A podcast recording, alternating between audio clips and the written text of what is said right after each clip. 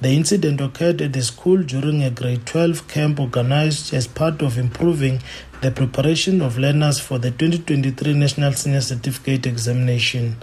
The MEC for Education, Mr. Bonakele Majuba, received the news with shock and extends his heartfelt condolences to the learner's family, school, and teachers during this difficult time. Learners at the school are receiving counseling.